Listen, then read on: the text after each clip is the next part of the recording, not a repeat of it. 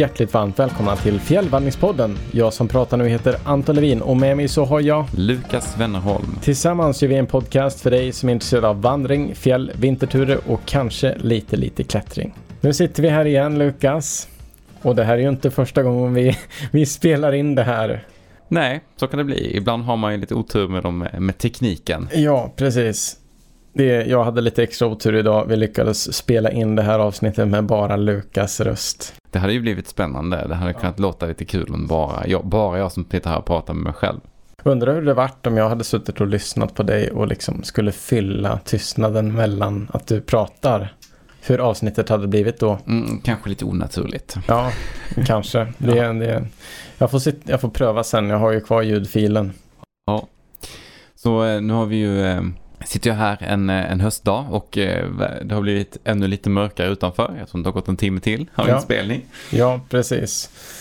Eh, men ja, det, jag känner ändå, jag har, jag har haft en bra höst. Det, vi har ju, jag och min brorsa har ju köpt en fjälltomt och både jag och han har varit uppe ett par svängar och ja, jobbat lite på den. Börjat ta ner träd.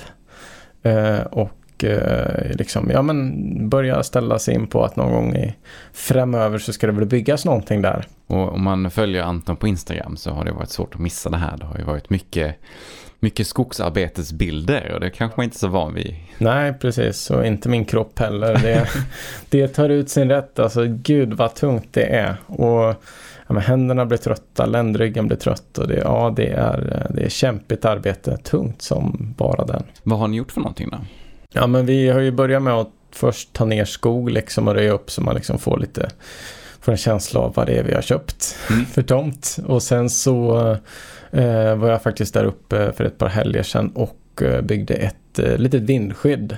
Eh, och det var mest mm, så här, något skriande behov av att göra någonting med.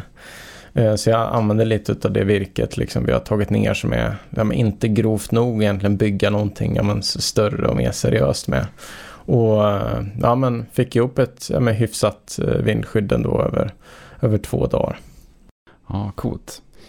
Hur, eh, hur känns det att nu få, man är för en gångs skull inte i ett naturreservat här utan du får ja. göra som du vill. Du kan såga ner träd, du ja, kan fixa precis. och greja och det är... Ja men det, det är ju en riktig frihetskänsla ja. någonstans. Eh, men sen så man känner jag att jävlar vad permanent det här är. Alltså när man tar ner träd. Det, mm. Man kan ju inte ångra det. Nej. Det är liksom, eh, det är ju, ja, det är som, eh, jag vet inte, såg upp ett hål i sin vägg eller någonting. Det är ju liksom det, ja, okej, okay, det, det går ju faktiskt att ångra å andra sidan. Men att ta ner ett träd, det är ju irreversibelt. Ja, det är svårt. Eller ja, nej, det tar ju bara 30-20 år för trädet att växa upp igen. Ja, jo, precis. Ja, ett annat träd då. Ja. Så eh, ett vindskydd säger det. Har du blivit klar med det? Ja, eller ja, det beror, beror, väl på vart man drar gränsen men det är ju användbart nu mm. i alla fall. Så att det, liksom, det finns ju ett det finns ett tak men dock i form av presenning så att det mm. blir väl något mer eh, liksom permanent tak i framtiden kanske. Och sen så finns det ju ett eh, så att säga, golv eller vad man ska kalla det. Eh, vad man nu kallar det, ett vindskydd. Det. det är ju liksom i sitthöjd ja. men det är väl ett golv på sätt och vis. Eh, och det, det täcker ungefär halva vindskyddet. Så ja. andra halvan är liksom öppet än så länge. Men det är ju för att, eh, att tillverka egna plankor med, med, genom att klyva stockar. Det är ganska hårt arbete. Så nu när jag var uppe så det blev bara sex stockar, eller sex plankor mm. när, jag, när jag började med, ge mig på det arbetet. Då har du alltså för, för hand slagit i kilar i, i stockarna? Ja, precis. Så jag har liksom gjort som en liten kanal med motorsågen först. Att liksom, ja, så att det blir rakt och fint och sen så börja slå i kilar och uh, använda yxorna för att hjälpa till att och få, få upp ja, ordentligt. Så har du, har du sovit i, i eh, vindskyddet? Nej, det har inte blivit av än.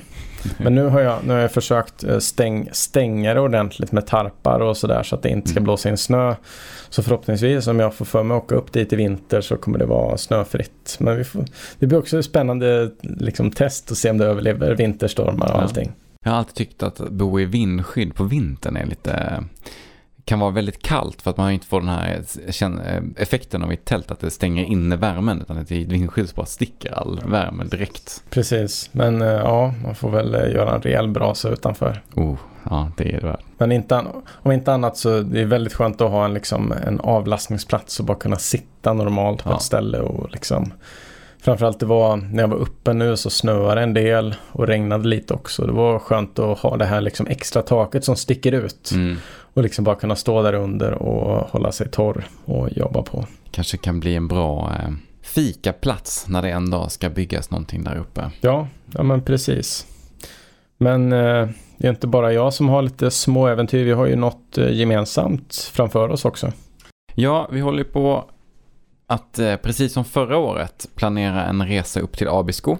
Vi tänkte att vi ska ge oss an lite isklättring tillsammans med eh, det årliga evenemanget Abisko Ice Adventure som mm. är där uppe.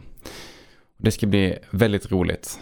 Det var ju, jag har många goda minnen från det här från förra året. Det var vacker miljö att klättra i. Det är verkligen storslaget uppe i Abisko. Vintertid. Ja, det, alltså tänk om vi får sån tur som förra året. Ja, men i princip ingen nederbörd. Ja, men eh, superfint väder alla dagar. Mm. Eh, massvis med norrsken. En älg. Jag kan till och med klara mig utan alla de här inslagen. Om vi får helt okej väder så blir det allt för kallt. Ja, och inte vräker ner snö på så tror jag det ska bli toppen. Men det, å andra sidan, alltså jag är lite kluven till det här när det kommer till snö. Alltså det vore också lite kul med snö. Att få se ett åk efter att man klättrat. Å andra sidan så blir det ju så extremt jobbigt att ta sig upp till isen. Ja. Det har ju varit en bra start på, på vintern hittills. Det har vi kommit ganska mycket snö va? Ja. Så vi hoppas på att det kanske inte kommer jättemycket mer snö innan, innan november är slut i alla fall. Men det är ju sjukt att liksom se i mitten av oktober så var liksom premiäråken på eh, Åreskutan. Ja. Och det, då, ja, då är den... Kan det vara så att vi väntar oss en väldigt, eh, väldigt snötung vinter? Vi får se. Mm. Okej, jag tar tillbaka det. Ja, vi vill ju ha snö. Det, ju, ja. det blir ju en väldigt mycket roligare vinter. Så. Absolut, men den behöver, inte vara, den behöver inte vara i Abisko när vi är där. Nej, exakt. Den kan komma lite senare. Men eh, idag ska vi inte till Abisko. Vi ska till eh, Skuleskogens nationalpark. Jajamän. Eh, och vi ska vandra längs Höga Kustenleden som sträcker sig genom Skuleskogens nationalpark. Bland annat. Och för er som är Patreon så har ni ju redan hört ett första nationalparksavsnitt där vi försöker lyfta Sveriges nationalparker lite extra och eh, förhoppningsvis lura ut er och upptäcka nya områden utav de här 30 nationalparkerna som vi har, har, skydd, liksom har skyddat i Sverige för att eh, tillgängliggöra dem för kommande och nuvarande generationer. Precis. Och nu har inte vi heller besökt alla 30 nationalparker. Men eh, kanske till slut, vem vet? Ja, vi får ha det som mål här i poddens, eh, under poddens tid att försöka besöka så många som möjligt Precis. och eh, berätta för er om hur det är att vara där. Det svåraste blir att motivera oss att besöka de här som typ är en hektar stora. Ja, de var riktigt, riktigt små ja. som man inte riktigt kan vandra i. Nej, precis. precis. Men eh, Skuleskogens nationalpark inrättades 1984 eh, och omfattar totalt 3063 hektar. Man hittar då Skuleskogen mellan den lilla byn Docksta i syd och Näskefjärden i nord. Eh, Skuleskogen passeras på, då, på sin östra sida av Höga Kustenleden och sin västra sida av E4. Mm. Så den inringas då av de här fyra platserna. Och eh, det som är så ja, fantastiskt med Skuleskogen som ändå det, det här är ju liksom inte, det är inte riktigt fjällvandring. Det det är liksom höglandsterräng ja. och mycket skog. Men det finns ju gott om övernattningsmöjligheter här. Mm. Tack vare att det finns sju stycken eh, övernattningsstugor med liksom, ja, men god standard och som är helt gratis och öppna året runt. Vilket ju är en eh, fantastisk service får man ändå säga. Det är ju ganska få ställen där det där det finns så mycket tillgängligt. Ja, precis. Och det finns ju, ja men i stugorna så finns det ju liksom eh, ved, eh, möjlighet att elda med ved för att värma upp dem. Och utanför så finns det ju eldstäder också så man kan liksom elda och ha det mysigt utanför. Och nationalparken som tillhandahåller ved. Så det är ju ja, riktigt lyxigt. Vill man inte bo i stuga så kan man tälta. Mm. Men man är något begränsad till vart man får tälta. Eftersom Skuleskogen och Höga Kusten-leden är ett väldigt eh, populärt resmål. Det är säkert många av er som lyssnar som redan har varit där och vandrat.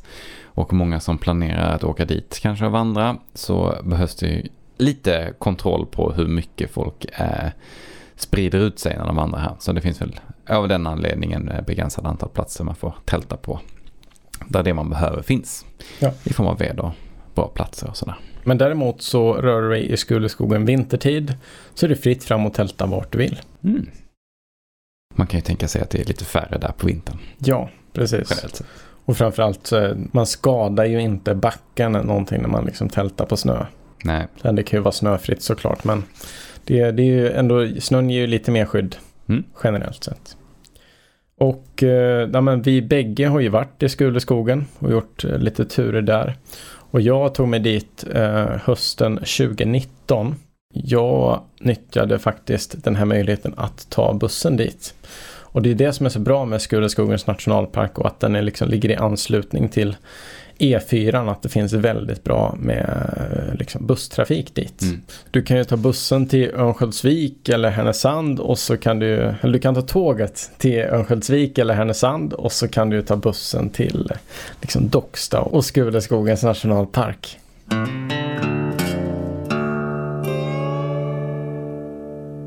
Och det var vad jag gjorde helt enkelt. Jag tog bussen till Naturum då eh, Eh, som ligger utanför Docksta och anslöt därifrån genom en transportsträcka då till Entré Syd. Så jag gick liksom eh, norrut efter Skuleberget och sen så passerade jag över E4 och vandrade.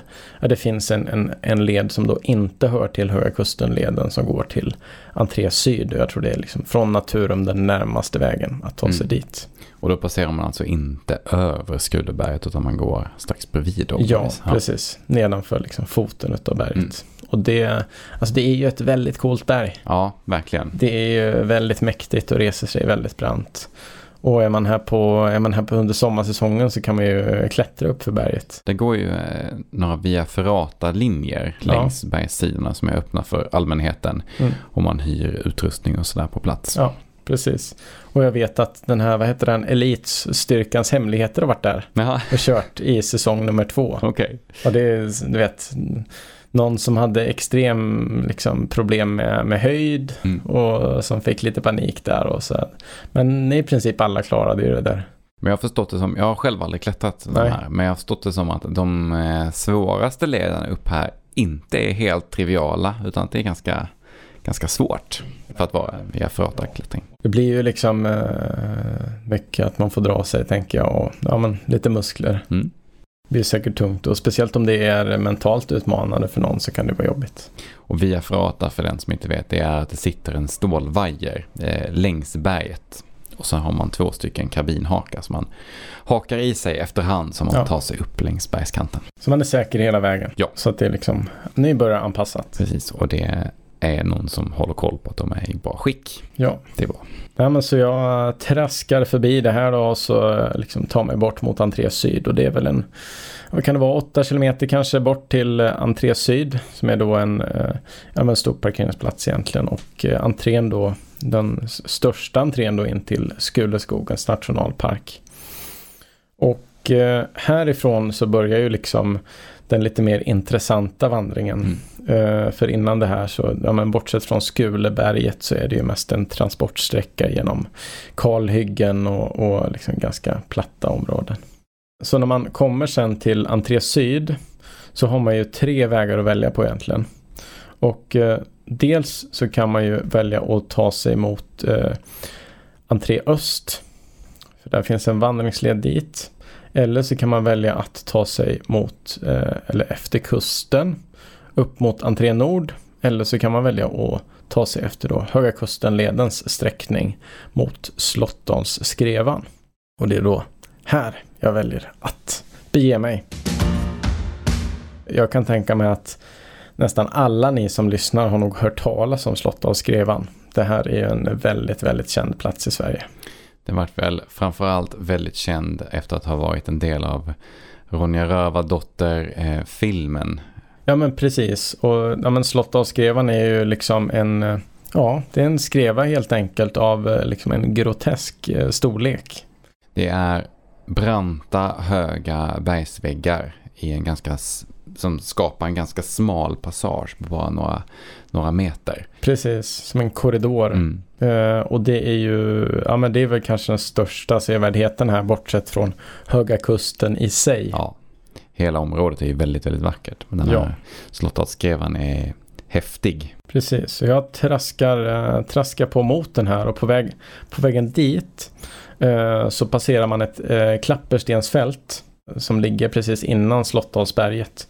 Och det här klapperstensfältet då, det är ju en, alltså en rullstensås mm. i princip.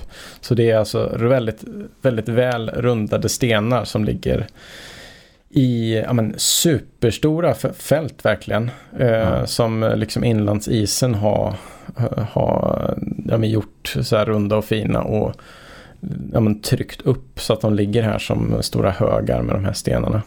Ja, det är en ganska häftig vy. Man, det, det är ju ingenting man ser på så många platser utan det sticker verkligen ut och vet man inte varför stenarna ligger så jämnt ut så ser det nästan ut som att det skulle kunna vara konstgjort av människor ja. som har lagt ut dem. Man bara, varför ligger det en massa jämnt stenar Precis. här? Ja, det är ett konstprojekt. Mm. Ja. Precis. Ja. Och eh, när jag passerade förbi här några år tidigare så minns jag ganska tydligt att vi, eh, vi gick ut lite på fältet för att bara utforska och se lite vad är det här för något. Mm. Och då minns jag hur det, man kan höra hur det, det pålar vatten ganska långt ner under själva stenfältet. Mm. Vilket jag tyckte var häftigt. Och eftersom vi hade ett eh, ständigt problem att hitta vatten den här, den här turen jag var på. Så minns jag hur vi försökte komma ner mellan stenarna för att faktiskt fiska upp lite vatten. Och eh, gjorde någon eh, liten konstruktion av något ja. snöre och någon flaska som vi sänkte ner mellan stenarna. Men vi lyckades fiska upp lite vatten. Ja okej, okay. jag, jag, tänkte att eh, fan det här det lät som att det liksom var dömt att fejla men... Eh, Nej det gick faktiskt. Ja. Och det var både kallt och eh, gott det här vattnet. Ja men gött, ja det är, det är som ett grovmaskigt filter det här. Ja. ja men som Eh, liksom jag konstaterade eh, förra gången vi spelade in det här avsnittet att eh, det är ju också fascinerande hur ja, men de här platserna har ju liksom Ja men de här stenarna har ju garanterat legat så här sedan inlandsisen försvann. Och jag vet inte, alltså det är ett par tusen år sedan. Under den här perioden så man tänker att ja men, barrträden och lövträden runt om borde ju släppa liksom löv och barr. Och så skulle det liksom fylla igen håligheterna mellan de här stenarna och så borde det börja liksom växa igen. Men av någon anledning så är ju de här områdena liksom fria från beväxtlighet. Ja, det är fascinerande. Ja, och jag undrar liksom vad det är som gör att det, det blir så. Om vi har någon eh, Eh, jag vet inte, biolog eller geolog, geolog bland våra lyssnare så, som vet, kan svara på det här var, varför de här fälten hålls liksom fria från beväxtlighet så får ni jättegärna höra av er. Jag är nyfikna på svaren. Ja, verkligen. Nej, men så man passerar det här väldigt eh, fascinerande fältet och eh, börjar närma sig då Slottdalsberget och Slottdalsgrevan. Och man kommer till som en stenport där man då har liksom två väggar som reser sig rakt upp och så en sten som har kilat sig mellan de här väggarna. Så det blir verkligen som en port mm. in, mot, eh, in mot berget. Och den här ska man ju då passera in under den ja, stora stenen. Precis. Ju kan kännas lite läskigt. Man vill ju helst inte bli krossad. Nej, precis. Och jag tog mig faktiskt eh, tiden att klättra upp på den. Ah. Jag satte min kamera på självutlösning och så skyndade mig upp på, mm. på sten. Såklart du gjorde. Ja. Ja men det var, så det var en lite kul grej. Men det är ju liksom, man har ju sett eh, samma fenomen i, i norska fjäll, du vet. Fast då är det, då är det tusen meter upp och ja. världens fjordutsikt. Här är det lite mer skogsmiljö. Men det är ändå coolt att passera under den där stora, stora bumlingen som säkert mm. väger, ja men jag vet, 20 ton eller någonting. Svårt att säga. Den ja. är nog inte så lätt i alla fall. Nej. Ingenting man lyfter bort. Nej. Men eh, efter det här så, eh, så det, har man inte långt kvar utan det är en liten uppförsbacke och sen så kommer man då till liksom Slottdalsskrevan som reser sig där och det här är ju en av de liksom mest eh, storslagna platserna man kan eh, stöta på i Sverige. Eller den, den är ju väldigt, ja, väldigt speciell med de här eh, väldigt, väldigt raka väggarna. Mm. Och ja, det är som en onaturlig skärning genom berget. den här korridoren. Och nu skapar du ju en, eh, en väldigt eh, målande beskrivning av det här. Men det är inte helt lätt att gå dit längre. Nej, för att eh, Länsstyrelsen har ju faktiskt valt att dra om leden här. Fram till eh, här hösten 2023 så har man ju kunnat passera igenom. Och det kanske är så att man fortfarande kan det. Eh, vi vet inte, men det är åtminstone inte rekommenderat på grund av rasrisken. Så Länsstyrelsen i Västernorrland har etablerat en ny sträckning av Höga Kustenleden som tar vandraren mellan Slottdalsgrevans södra och norra del, men då över Slottdalsberget istället. Mm. Så jag tror att man ser liksom, man ser starten på skrevan och sen ser man säkert slutet. Men man får istället gå en liksom högre väg eh, ovanför Slottdalsskrevan just för att det finns en rasrisk där. Ja, men det finns det antagligen en väldigt bra anledning till det. Man vill ja. ju helst inte bli träffad i huvudet av någon Nej. sten när man går igenom skrevan. Nej, och när man går igenom skrevan så det är ju ganska mycket stora, det är ju stora stenar man går på mm. som en gång har trillat ner där. Ja, så man, eh, det, är ju, det är ju inte för, inte för intet så att säga. Och efter man har passerat igenom eh, Slottsskrevan och då fortsätter vidare norrut så kommer man ner till en liten kärn eller sjö som heter Tärnätvattnet. Ja, vattnen. precis. Och här har vi en liten, eh, här har vi den här första eh, övernattningsstugan. Mm. Som ligger liksom väldigt idylliskt för den här lilla Sötvattenssjön som är en av få liksom, sjöar som man faktiskt kommer in till här. Där man också har övernattningsmöjlighet och tillgång till eh, färskvatten. För det är ju annars ett problem sen när man om man rör sig efter havet att eh, ja, men, det är ju inte färskvatten utan det är saltvatten. Mm. Så det blir lite meckigare där med att få tag på vatten.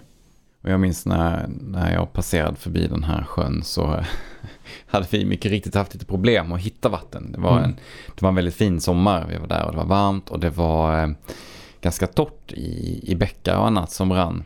Och eh, eftersom det här var ganska tidigt i min vandringskarriär så hade jag inte riktigt kommit på den här idén med att man kan köpa med sig vattenfilter eh, eller andra så här vattenreningstabletter eller liknande. Bra utrustning för att ta hand om sjövatten. Så eh, vi kommer på den briljanta idén att man kan elda upp en liten eld, eller göra upp en liten eld istället och, och koka vatten i en gryta ovanför elden. Eh, och, ja, och den främsta anledningen var för att vi är väldigt oroliga för att gasen skulle ta slut i köket om mm. vi började koka varenda liter vatten vi behövde.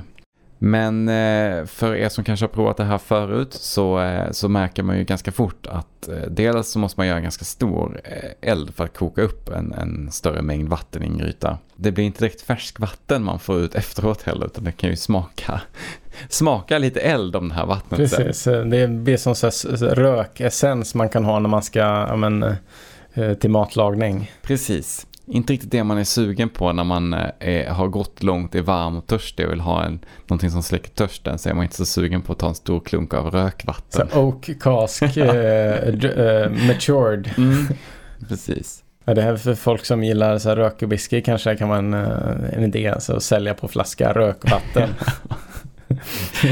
ja, nej, det här kan jag inte rekommendera. Så har ni inte provat det så, så gör det inte heller. Nej. Utan eh, det är bättre att eh, antingen ha med sig ett filter eller koka över ett kök där. Lågan brinner lite renare än över en öppen eld. Jag tror på den här tiden så tror jag att jag hade reningstabletter med mig. Men mm. det är ju... Alltså det, det blir ju ingen rolig smak av det. Utan jag tycker att ja, filter är ju alltid att, eh, att rekommendera om man vill ha gott vatten. Mm.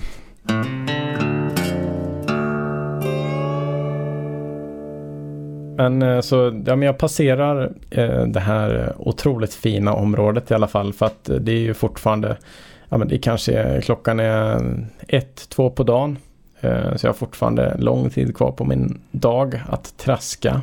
Och jag väljer att eh, ta mig ner mot eh, Tärnetholmarna som då är tre små holmar, eller ja, två små holmar egentligen som är sammanbundna av eh, väldigt små eh, tunna liksom, landbroar eller vad man ska mm. kalla det. Med naturliga liksom, broar över. Så det ser ju ut som små öar men de sitter faktiskt ihop med land. Jag tyckte ja, men det här såg ju spännande ut. Så jag gick ju helt enkelt ut på de holmarna och så ja, så där var de och så gick ja. jag tillbaka. Med en liten härlig utflykt. Ja, precis. Uh, för mitt mål var ju att ta mig ner till Näskebodarna den här kvällen. För dels så rinner det vatten i närheten utav dem. Eh, men också så finns ju här en övernattningsstuga. Och eh, Näskebodarna är ju lite speciellt för här finns ju också eh, nationalparkens, vad jag vet, enda liksom privata bostäder. Så det finns en gammal mm. sommarstugeförening som ligger här. Som man liksom inte ska störa eller gå Nej. in på deras mark. Det ser man om man tittar på kartan så är det ja. ganska mycket byggnader utplacerade ja. här. Precis. Men så leden går liksom en liten bit ifrån de här som man ser precis som är sommarstugorna. Och så passerar man först den gamla, eh, den gamla stugan eh, som då nationalparken hade hand om tidigare. Eller som man fortfarande har hand om men som man inte rekommenderar boende att gå till för den är liksom under förfall. Mm. Och sen så kommer ju då den nya lite längre bort. Så man har väl flyttat den troligtvis för att inte störa dem, de som har sina stugor där så mycket med så mycket folk. Men så jag tar mig bort till den här övernattningsstugan och eh, ja, klockan kanske är tre på eftermiddagen. Och eh, det är väldigt fint väder och allt är bra. Tills jag känner på dörren på den här stugan och konstaterar att det är låst. Jag tänker, vad i... Varför? Ja. Jag har, jag har inget tält med mig faktiskt utan jag har eh, ett liggunderlag och jag har en sovsäck. Och eh, jag är väl inställd på att jag kan ju sova utomhus en natt vid behov.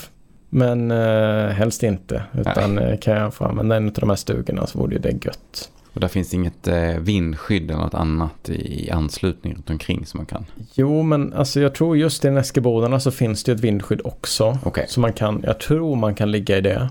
Men sen så finns ju också den här gamla stugan så jag går tillbaks dit och kollar och funderar lite. Och så, men jag kliver in där och märker att det är fuktigt och ruggigt mm. och liksom doftar lite mögel och mm. sådär och konstaterar att nej men här, nej jag, jag gamblar ändå på att det kommer någon och låser upp den här stugan. Ja. För de ska inte vara låsta. Eh, så jag går tillbaks till Näskebodarna och eh, så väntar jag lite och så efter eh, en liten stund så dyker upp ett gäng på, kan de vara 6-7 eh, spanjorer, utbytesstudenter från Luleå som kommer dit. Och det, det, är så konstigt för de kommer och liksom bär på matkassar. Och de har ju liksom inte, de har inte så vanliga friluftskläder utan det är liksom ja, vanliga civilkläder i princip. Jeans och eh, sneakers. Ja, ja, precis. Och någon kanske har mjukisbyxor. Liksom så, så det är mycket speciellt. Eh, och så har de ju nyckel med sig då. De låser upp dörren. Så jag börjar med att skälla ut dem och liksom bara, va, varför har ni låst? Men så tydligen så finns det finns det att tillgå nycklar till de där stugorna. Jag, jag tror den här nyckeln fanns liksom inne i stugan. Eh, de var utbytesstudenter, hade fått reda på att här fanns det stugor som var gratis att bo i och eh, hade liksom bonat in sig där lite några ja. dagar. Och så nu hade de varit och liksom provianterat. Tycker det låter som att de har försökt att ockupera den här stugan. Ja. Som, det här är ju vår stuga nu, det är ja. bäst att vi låser den så Precis. ingen annan kommer att ta våra sköna ja. sängar. Och så dök jag upp och så fick de en till. Mm. Sen under kvällen så, eh, ja men vi har väldigt trevligt och det trillar in en, en efter annan liksom. Och till slut så ligger det lite folk på golvet och alla sängar är fulla och mm. sådär. Så klockan 11 så liksom slamrar det på dörren. Eh, när vi alla har liksom lagt oss och så det, kommer det instapplandes en kvinna som inte har pannlampa eller lamp, ja, ficklampa eller någonting. Hon har ingen sovsäck, inget liggunderlag ingenting med sig i princip utan hon hade liksom gett sig ut liksom efter jobbet. Vandringen hade tagit lite längre än vad hon hade tänkt sig och eh, hon hade bara förutsatt att allt man behövde fanns i de här stugorna. Ja, det är ändå vågat. Ja. Det förvånar mig alltid när man, när man har så stor tilltro till eh, ja. att det finns grejer. Ja, precis. Ja, men man kanske skulle dubbelkolla lite på nationalparkens hemsida innan man... man skulle kunna tänka sig det i alla fall. Eh, speciellt, ja, och sen ingen liksom pannlampa eller någonting. Men ja, det, vi liksom fick ju helt enkelt förbarma oss över henne. Det var ju bara vara lite snäll och se till att hon fick en plats att sova på. Mm. Och så så att det löste ju sig. Men det var också lite så här en, en ond Anton som vaknade upp intill. Nu ska liksom, fattar du så dumma beslut och för fan leva med dem. Eh, det var en, en sån röst i mitt huvud. Men eh, hon slapp leva med beslutet. Ja, vilken tur. Känner du igen dig och känna den här känslan? Jo men absolut. Jag kan, eh, kan identifiera mig med att eh, man träffar någon på någon eh, känd eh, vandringsplats som inte har tagit med sig vad man mm. behöver. Mm. Bara tagit med sig för lite mm. vatten mm. eller inte har någon regnjacka eller något annat. Och då, då känner man kanske så här, mm, jag vet inte, det kanske är bäst att få uppleva hur det är att ja. göra fel. Men man måste ju vara hjälpsam, så ja. Hon skämdes nog eh, liksom tillräckligt ändå, ja. så att eh, eh, hon lärde sig säkert någonting av det. Man måste ju få vara nybörjare. Det, det är ju så, alla, alla börjar ju med att göra konstiga beslut som att bära med sig yxor eller annat dumt. Ja, upp på fjället. Men dagen på så, eh, ja men eh, man käkade ju sin frukost och, och städade ur stugan och så tack och hej mm. till mm. spanjorerna. Och så har man ju en väldigt fin liksom sträckning efter den så kallade kuststigen. Ner tillbaks till entré syd som jag följde sen. Och sen så är det ju samma sträckning tillbaka till Skuleberget som jag hade mm. tagit innan. För att sen kunna ta bussen tillbaka. Så det var ju liksom min tur. Men eh, du har ju också varit här. Hur gick ni? Vi gick ganska likt hur du gjorde. Men med den stora skillnaden att vi gick in i nationalparken från norr och vandrade över mot den södra entrén. Mm. Så vi parkerade bilen uppe i Näske och, och eh, började vandringen längs Höga Kustenleden söderut mot den norra entrén. Mm.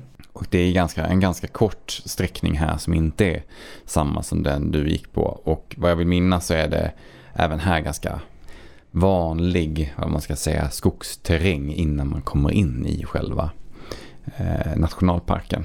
Ja. Men eftersom det här var en av mina första vandringar på, som var lite större eller vad man ska säga så tyckte jag, tyckte jag det var en fantastisk miljö att komma in i. Det var, ja, det var väldigt häftigt.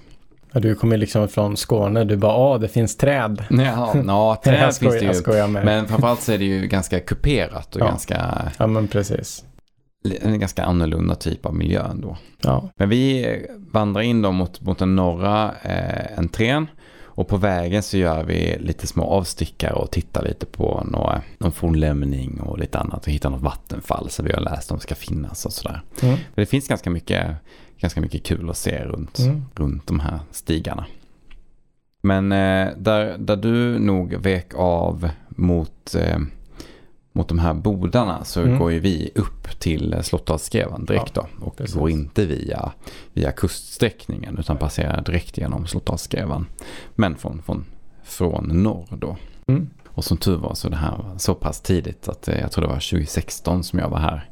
Och då eh, var det fortfarande så att eh, sträckningen gick igenom själva Slottsstrevan. Mm. Men i övrigt så, så, passerade vi samma väg som, som du gjorde och eh, när vi kom till eh, den södra entrén så går vi längs Höga Kusten-leden tillbaka och mm. passerar över Skuleberget för att ja. få den här lilla extra toppturen. Ja, det är ju en fantastisk vy.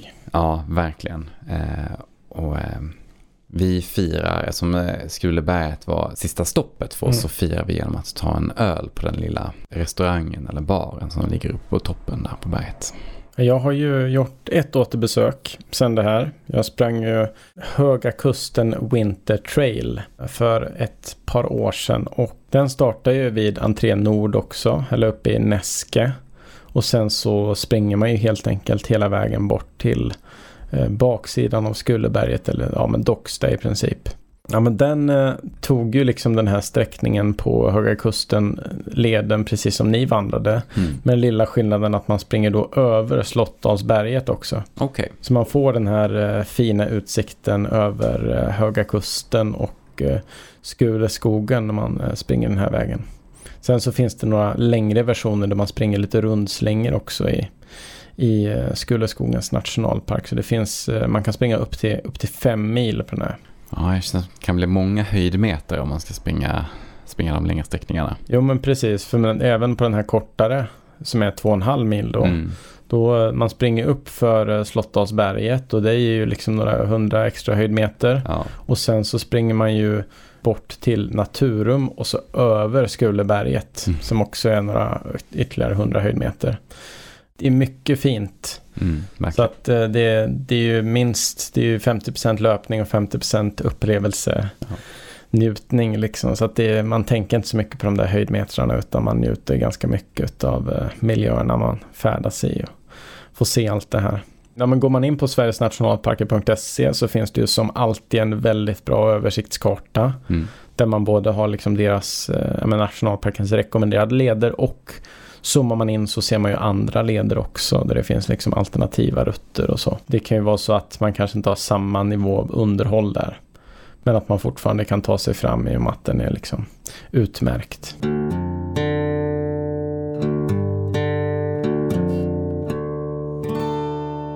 Men sen så har vi ju också sprungit på en eh, anekdot från det här området. Och då tänkte jag ska börja med att fråga dig Lukas, har du gått upp på den här eh, ja, men, branta sidan av Skuleberget någon gång? Det finns ju en vandringsled liksom som är ganska brant upp där. Nej, jag, jag är ganska osäker på det. Men jag tror inte att det var den Nej. vägen jag tog upp. Jag minns inte riktigt. Ja, för om man är vid Naturum så ja. finns det ju en, liksom, en brant led som går rakt upp från Naturum i princip. Och okay. där, fin där finns det ju en liksom, grotta Mm. Eller så här som en stor håla, en liksom urgröpning ur berget på vägen upp där. Nej, det är ingenting jag Nej. minns att jag har sett. På mitten av väggen. Och där tog jag mig faktiskt upp då när jag, jag hade några timmar extra då när jag, när jag gjorde min sommartur. Och då eh, när man går in på Wayback Machine och kollar på ja, men den gamla versionen av Skuleparkens nationalparks hemsida så finns det en anekdot härifrån eller liksom en berättelse härifrån. Och då står det Rövarna i Skuleskogen. Det finns otaliga berättelser och sägner om troll och rövare i Skuleskogen. De flesta historierna om rövarna i Skuleskogen har någon form av anknytning till Rövargrottan eller Kungsgrottan i Skuleberget. Den gemensamma uppfattningen i historien om trollen var att de egentligen aldrig gjorde någon skada. De skrämde enbart upp folk som kom för nära berget som var trollens hemvist. Värre var det med rövarna i Skuleskogen. Ur Nordiska museets folkminnesarkiv kan man läsa att rövarna kom till Skuleskogen sjövägen någon gång under 1600-talet. Då rövarna snart kom i konflikt med ortsbefolkningen tog de sin tillflykt till grottan i Skuleberget med en fantastisk utsikt över Skuleskogen. Från grottan i Skuleberget började rövarna förfölja och ta ut väl tilltagna tullar av förbipasserande på den gamla handelsvägen nedanför Skuleberget. Många är historierna om skräckfyllda förbipasserade som fick lämna sitt handelsgods eller egendom i Skuleskogen. Med sitt fasansfulla rykte och, och ökade självförtroende började rövarna snart även plundra lokalbefolkningen och detta blev till slut även rövarnas fall. Så står det då på hemsidan. Så att de kanske gapade efter lite för mycket ja. och så kom väl knäkten till slut. Vad förvånad man skulle bli om man vandrar förbi där och plötsligt så är det någon som ska stjäla alla ens grejer. Jo, precis. Ja, men det, alltså, alltså den där grottan är ändå ganska cool. Mm. Det går ju att googla fram eh, en bild på den. Men, eh, kan man gå in i den? Ja, mm. och det, den ligger ju liksom efter den här eh, den, den vandringsleden eller vad man ska säga det är ju så här 50% stegar för att ta sig upp där. Och ja, så är det så lite, pass brant. Ja, okay. Precis, så det är mycket stege och en del ja, men branta steg. Mm. Eller vet, så att det sitter armeringsjärn som uh, fotsteg och sådär. Ja, då kan jag vara säker på att jag inte har gått upp ja. där i alla fall. Det hade jag minst. Men det är en väldigt fin led om man så eh, vill. Man kan ju ta via Ferratan upp mm. och så kan man ta den här lilla stegen ner och så får man se den här grottan som är väldigt cool. Eh, så det rekommenderar jag verkligen. Och låtsas vara rövare där ja, en liten stund. Jag man kanske kan starta sig ett eget litet rövarband och bo i den stugan. precis. Problemet är att det, alltså alla turister som går förbi. Nej, det är inte det som är problemet. Det är ju lösningen. Om man är rövare. Ja, ja, men det är det jag menar. Man tar tull på ja, alla som går förbi. Precis, det var det jag tänkte. Nej, men och med den lilla anekdoten så börjar väl eh, veckans avsnitt rulla mot sitt slut. Har ni specifika ämnen vill att vi tar upp i framtida avsnitt eller vill ställa frågor till oss, hör av dig till oss på Instagram, fjällvandringspodden. Och glöm inte heller att prenumerera på oss i ditt flöde. Vi som gör den här podden heter Anton Levin och Lukas Wennerholm. Och om du uppskattar det vi gör, sprid gärna ordet så vi kan fortsätta prata om vandring från våra vardagsrum. Och glöm inte heller att redan nu planera in din nästa tältnatt. Tack för den här gången. Vi ses om två veckor.